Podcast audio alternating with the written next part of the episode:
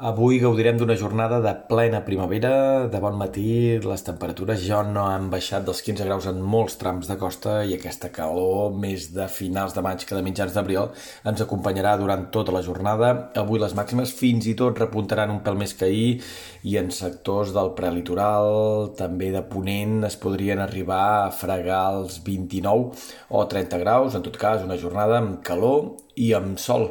Hem encetat el dissabte sense núvols i aquesta situació es mantindrà durant tot el dia. Potser a la tarda creixeran algunes nuvolades cap al Pirineu Oriental, a l'entorn del Montseny, de les Guilleries, però que en principi no haurien de tenir